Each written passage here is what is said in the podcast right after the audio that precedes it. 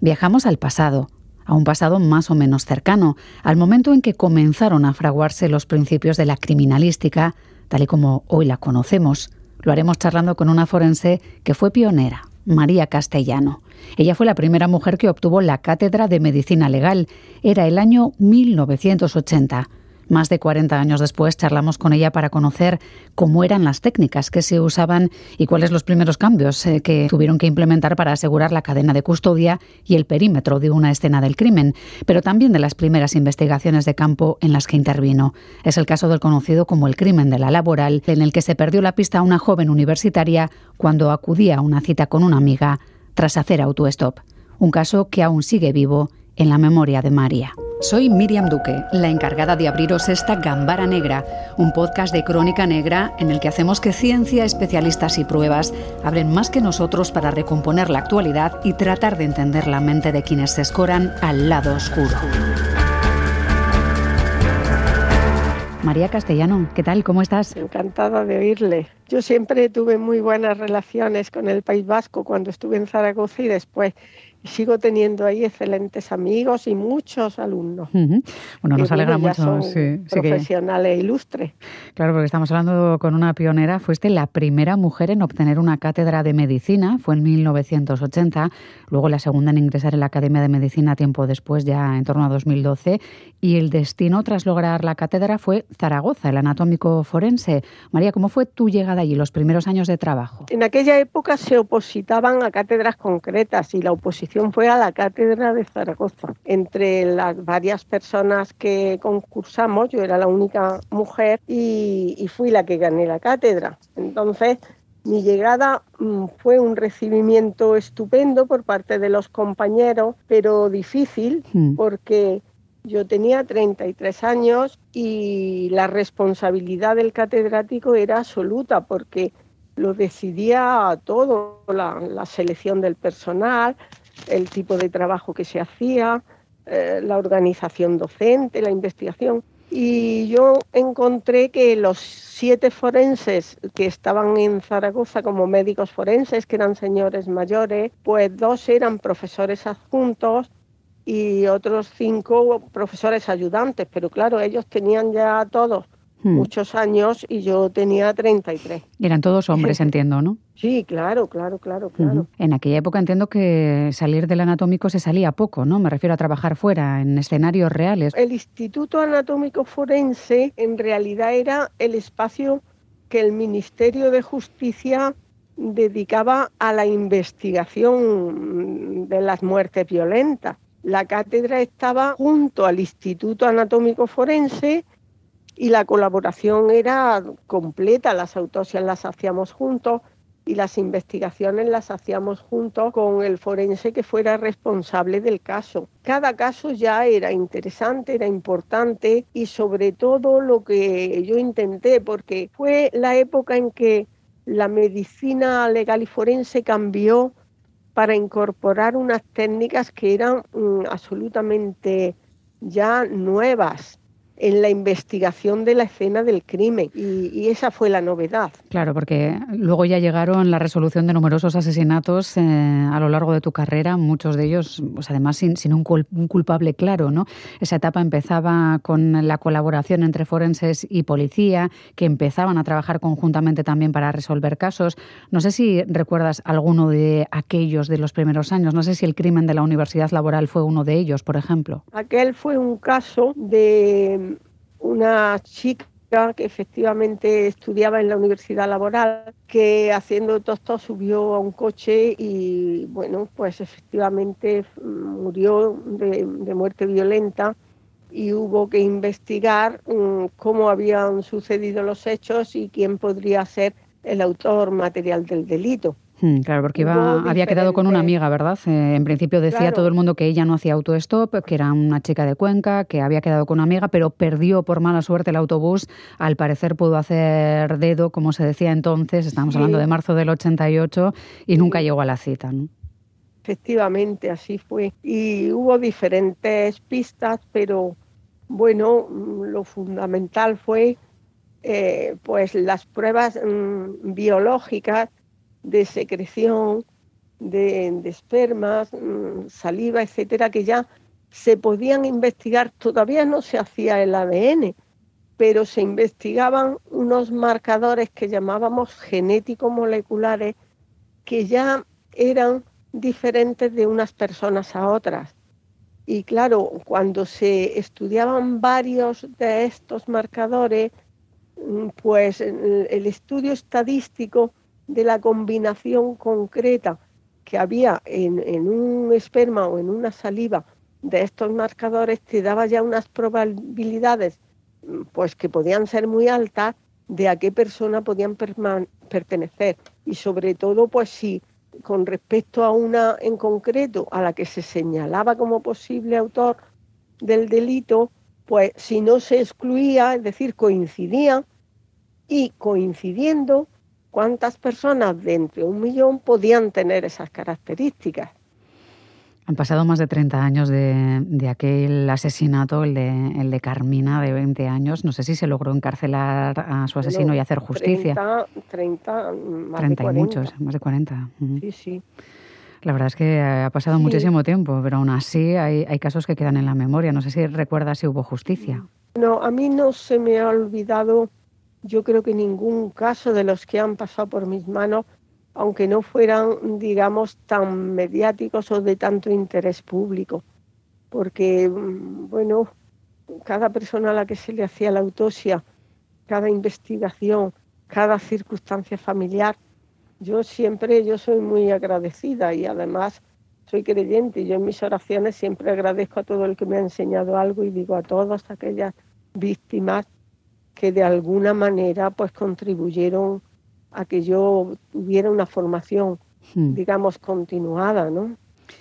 María, una se pregunta si con solo estudiar los huesos es posible aproximar cuál ha sido la causa de una muerte, por ejemplo. ¿no? Estos días se han conocido novedades sobre el caso de Juana Canal, que es una vecina de Ciudad Lineal que desapareció hace 19 años. Parece que han estado buscando en la zona en la que hace no tanto apareció un, cráneo y han aparecido restos que podrían corresponderse con un fémur, con una cadera. ¿Se podría ayudar a esclarecer su desaparición y su muerte con pequeños pedazos de, de un fémur? De una cadera? ¿Los huesos hablan mucho más si alguien, como es tu caso, sabe interpretarlos? Bueno, los huesos dan mucha información, claro que sí. Yo precisamente hice mi tesis doctoral estudiando en los huesos su composición mineral y orgánica para saber cuántos años hacía que la persona a la que pertenecieron esos huesos había fallecido, porque conforme pasa el tiempo sobre unos restos humanos, lo orgánico desaparece, quedan los huesos, pero claro, los huesos también van perdiendo materia orgánica, como son ácidos grasos, aminoácidos. Sin embargo, los minerales permanecen. Entonces siempre a huesos más antiguos, más materia mineral, menos materia orgánica. Se puede establecer perfectamente la fecha en que la persona falleció haciendo el estudio de esos huesos.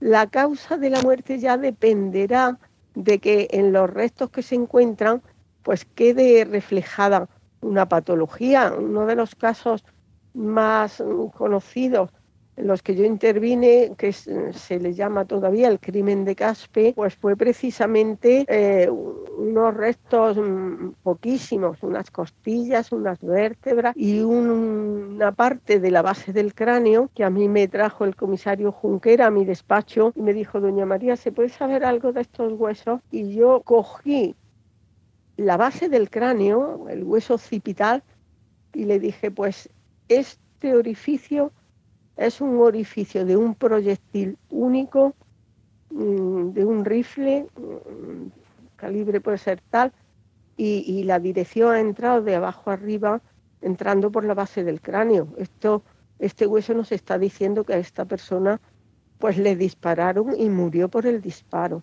Y en cierta medida también un poco la, secuencia, ¿no? De cómo estaban posicionados o cómo podrían haber estado posicionados, ¿no? Desde dónde, si el disparo fue desde abajo, desde arriba, una cierta altura o al menos una composición, ¿no? Sí, sí. La dirección y la distancia del disparo queda reflejada en el hueso, claro. Hmm. Sí, sí. María, ahora la mayoría hemos visto en televisión cómo se procede para no contaminar la escena de un crimen, no se pisa, de hacerlo a ser posible se utilizan patucos y buzos para que no caigan restos o pelos que compliquen la recogida de restos y evidencias, pero lo mismo que mencionabas antes que en el 80 no había todavía la posibilidad del ADN, pero sí los marcadores genéticos moleculares, entiendo que en aquella época las cosas eran diferentes, ¿no? ¿Cómo se realizaban las inspecciones oculares en los 80 y qué parámetros eh, tuvisteis que dar para tratar de evitar que eso Bueno, tenéis que tener en cuenta que entonces no existía la policía judicial. Cuando aparecía un cadáver se daba aviso y habitualmente los que llegaban antes era la policía local, que ellos mm, no tenían ni formación específica ni experiencia y luego ya llegaban pues los policías iban a investigar el caso. Pero fue a mitad de los años 80 cuando se eh, organizó ya la investigación criminal y se eh, constituyó la policía judicial como cuerpo específico para la investigación criminal. Y en Zaragoza nosotros tuvimos mm, pues la oportunidad de organizar junto con el director general de la policía y con la fiscalía Fiscalía de Zaragoza con el juez decano de Zaragoza, el, señor Zubiri, y pues la formación de la policía judicial que lo hicimos a través de varios cursos en los que los policías en un número reducido iban a Zaragoza, iban al laboratorio, hacíamos ensayos de escenarios de crimen y efectivamente lo primero fue llamar la atención sobre la importancia grandísima que tenía que cuando aparecía un cadáver lo primero fuera perimetrar el espacio y que absolutamente nadie interviniera hasta que no llegara la policía judicial experta y especializada y con los medios adecuados. Para asegurarse de que nadie contaminaba el escenario, ¿no? que, que es muy importante, que hoy parece que todo lo tenemos aprendido a base de haber visto muchas series y el trabajo del FBI, pero hubo un momento en el que todo estaba por descubrir y esos cursos cambiaron el, rumbo de, la forma de investigar, probablemente, ¿no? Y de los protocolos que se implementaban, que hoy nos parecen habituales. Ya fuimos haciendo efectivamente estrategias de trabajo, lo que después se ha llamado protocolo, y, aquello se fue perfeccionando pues, hasta el momento actual, en que todo es perfectamente técnico, riguroso, mm, seguro. Sí, sí. Pero claro, eran otros tiempos y hubo casos extremos. Eh, me viene a la cabeza, por ejemplo, el caso de los marqueses de Urquijo que se llegó a limpiar el escenario, ah. a bañar a los propios marqueses, a cambiarles de, ropa en su casa de Somosierra, ¿no? Que alguien les dijo que limpiasen la escena y, bueno, se saltaron todos los protocolos, incluso los que ya habría en aquella época, ¿no? Mm, bueno, todavía hace muchos años de aquello, pero yo que conocía personalmente a los forenses que intervinieron y, mm, y que eran forenses expertos, pero la realidad fue esa, que nada de lo que estudiaron estaba como en el momento en que ocurrió el crimen. Que al final estaba todo tan, eh, tan manipulado, ¿no? que, era, que era difícil ¿no? que, hubiese alguna prueba que se pudiese investigar o analizar. Al contrario, mm, desaparecen indicios y aparecen otros nuevos que confunden. ¿En qué punto el ADN vuelve a cambiar otra vez todos los parámetros de cómo se trabaja? Bueno, pues a final de los años 80, hacia el 85-86, ya se empieza se identifica y se empieza mm, a ver cómo el ADN tiene una composición particular con unos genes que estudiando esa disposición genética nos va a dar ya una información absolutamente precisa de, la persona de la que procede esa célula. Y esto entiendo que vuelve a cambiar otra vez todas las formas que, teníamos de, saber quién ha estado en esa escena de crimen y, quién ha podido estar en contacto para tratar de, tener a todo el mundo más o menos localizado. El mundo de la investigación eh, en el ámbito de los homicidios ha cambiado muchísimo, también lo ha hecho en paralelo a cómo cambiaba la ciencia, pero tú María también has trabajado en otros ámbitos como el de violencia familiar o violencia de género has investigado mucho para dar voz a mujeres víctimas de violencia en sus casas. De hecho, llegaste a realizar unas 200 entrevistas casa por casa para un trabajo que acabó en una importante tesis. Había que describir las claves del machismo y estudiar al agresor. Supongo que hay que seguir haciéndolo, aunque se haya avanzado mucho en esto también, ¿no? Eh, entiendo que pues aquel estudio cambió también la, la, forma que teníamos de entenderlo, ¿no? Sí, pues mm, fue, aquello empezó porque efectivamente un compañero mío de oposiciones de forense, que era forense en Zaragoza, pues el doctor Cobo me manifestó que quería hacer la tesis y dije, como ya tenéis ordenadores en el juzgado y vais introduciendo los datos, vamos a ver en el ordenador los datos que habéis recogido en los últimos meses. Y nos llamó la atención que había muchas denuncias puestas por mujeres, pero claro, en el ordenador se habían introducido de una manera desordenada, eh, unas veces por la edad, otras veces por el tipo de lesión, otras veces por la relación familiar con el agresor. Eh, y lo primero que hicimos, que entonces ya ahí estuvimos varios años mm, recopilando los datos y unificando la forma de, de introducirlo. Mm, de ahí publicamos pues un trabajo con 1.600, muchos casos, muchos, en donde ya vimos cómo se agrupaban las lesiones, qué tipo de relación mm, era la más frecuente entre la víctima y el agresor y, qué es lo que pasaba en cada uno de los casos y qué había en común entre ellos. Y ya vimos que eran agresiones a mujeres por el hecho de ser mujeres y de tener una relación de afectividad con el agresor que algunas veces eran los padres, pero ya vimos que las relaciones de pareja, eh, bien de noviazgo o, de matrimonio, eh, pues eran las, las más habituales. Hmm. Y efectivamente entonces ya mm, yo vi que lo importante para conocer bien el tema era caso por caso ver a la víctima que te contara su historia y luego ver al agresor en los casos en los que efectivamente este mm, se prestaba, que, lo hacían, porque eh, los agresores de ninguna manera se sentían culpables, ellos pensaban que estaban cumpliendo con un papel y, que todo lo que habían hecho con respecto a la víctima era en beneficio de la víctima, de los hijos, de la familia o de la pareja. Y en ese sentido, pues, eh, te confesaban lo que pensaban, mm, lo que habían hecho o lo que pensaran hacer, aunque fuera agravar las agresiones, estás dispuesto incluso a acabar con la vida de la mujer. Está claro que nuestra sociedad ha cambiado muchísimo, que, aquellos estudios permitieron implementar protocolos y, cambios. Eh, hemos cambiado en las relaciones en líneas generales de poder entre hombres y mujeres sobre todo desde los 80 hasta ahora, pero sigue habiendo casos de asesinatos machistas. Eh, ¿Qué hemos hecho bien? Que yo creo que hemos hecho muchísimas cosas bien, pero ¿qué hemos hecho mal, María, para que no hayamos conseguido atajar el problema por completo? No hemos atajado de ninguna manera el problema. Por supuesto, salen a la luz muchos más casos porque se denuncia mucho más, pero mm, cuando se denuncia un caso merece mm, un estudio que yo creo que ahora no llega a todos los casos que se denuncian. Y, por eso hay veces en que en situaciones que han sido denunciadas, pues acaban con la muerte de la mujer.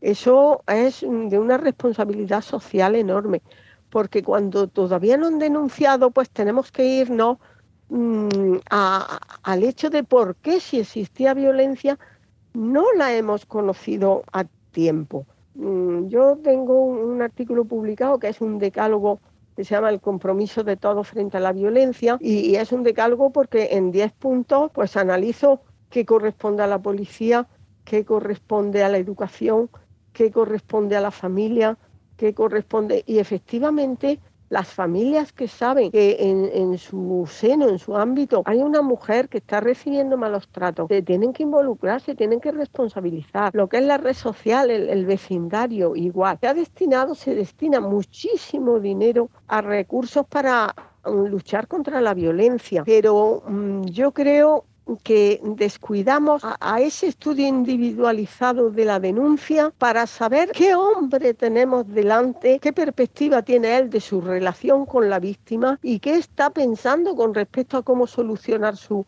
su situación. Porque vemos que lo que ha sido nuevo en los últimos años es que el agresor mata a la víctima y luego se suicida.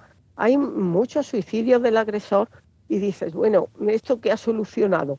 Nada porque la pobre víctima se ha ido por delante siendo inocente. Pero evidentemente el agresor que se suicida puede ser una persona atormentada que tampoco soluciona nada para sí mismo. Entonces es importantísimo saber mm, mm, ayudar al agresor a romper la relación y a dejarla en su pasado y a, y a mirar hacia adelante con otras perspectivas, a la víctima darle todos los recursos para que también rehaga su vida y salga de esa situación y sea una persona nueva. Pero la oportunidad de, ser libre. Claro, pero en los agresores no se vigila el que ven destruidas unas perspectivas y, no ven un, futuro para sí mismos.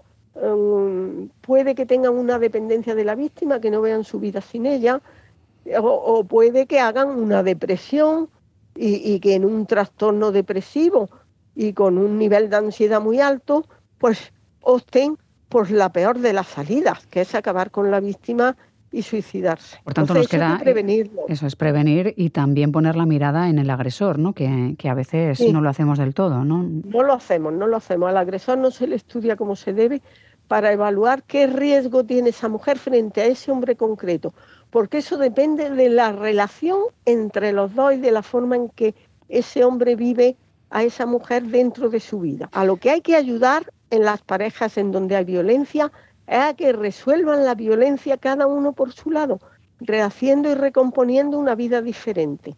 Eso necesita, por supuesto, una ayuda psicológica, una ayuda médica, pero esa es la ayuda que hay que dar para resolver la violencia por la vía más correcta. Hmm. María, después de tantos años ejerciendo, décadas, eh, podríamos decir, eh, hablando de casos de maltrato, de asesinatos machistas, pero también de otros perpetrados pues, por personalidades psicopáticas. Eh, me viene a la cabeza el asesino confeso de Pioz, por ejemplo, condenado por matar y descuartizar a, su familia, pero que además se lo contaba a un amigo en WhatsApp. A veces, bueno, pues da miedo ¿no? lo que nos rodea.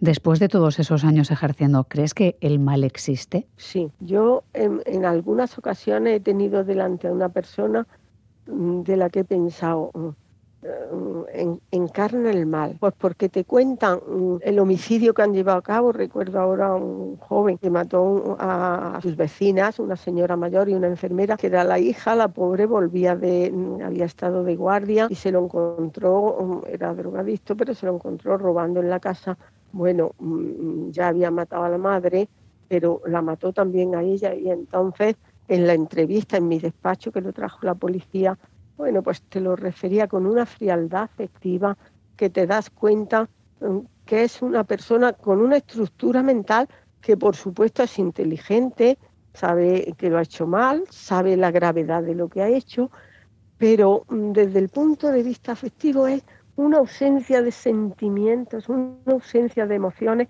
que no parece una persona, porque incluso los animales tienen un, nivel, digamos, de, de contacto afectivo entre ellos o con las personas que muchas veces es superior al de estas personas en las que yo he visto el mal. En la mirada, en las palabras y en la forma de hablar, de sonreír y de distanciarse de, de lo que es la humanidad. Y del dolor que crean a veces. María, ha sido un placer muy grande charlar contigo de cómo es hoy la ciencia forense, de cómo lo era cuando llegaste a, esa plaza como primera catedrática de medicina en aquel lugar, Zaragoza, que cambió completamente. Y te agradecemos mucho que nos hayas contado todas estas experiencias. Pues yo os agradezco mucho a vosotros darme la oportunidad porque ya digo que mi cariño y mi relación con el País Vasco fue, pues mira, en, unos cursos de verano en el Palacio de Miramar, en San Sebastián, pero en el año 84-85, y esa cinta la tengo yo grabada, y, fue sobre la violencia, en aquellos años que aquello fue absolutamente nuevo. Mm, ya te digo que la grabación la tengo hace muchos años que no la he visto, pero fueron una jornada interesantísima. Pues sí, la verdad, eh, como, como toda tu trayectoria profesional, eh, María, así que algún día tal vez podamos ver la cinta juntas y, charlar de, cómo fueron aquellas charlas en, el año 84. Un abrazo muy grande, ¿eh? Y hasta Un abrazo la próxima. a todos mis amigos vascos. Adiós y a vosotros. Gracias. Gracias a ti, María.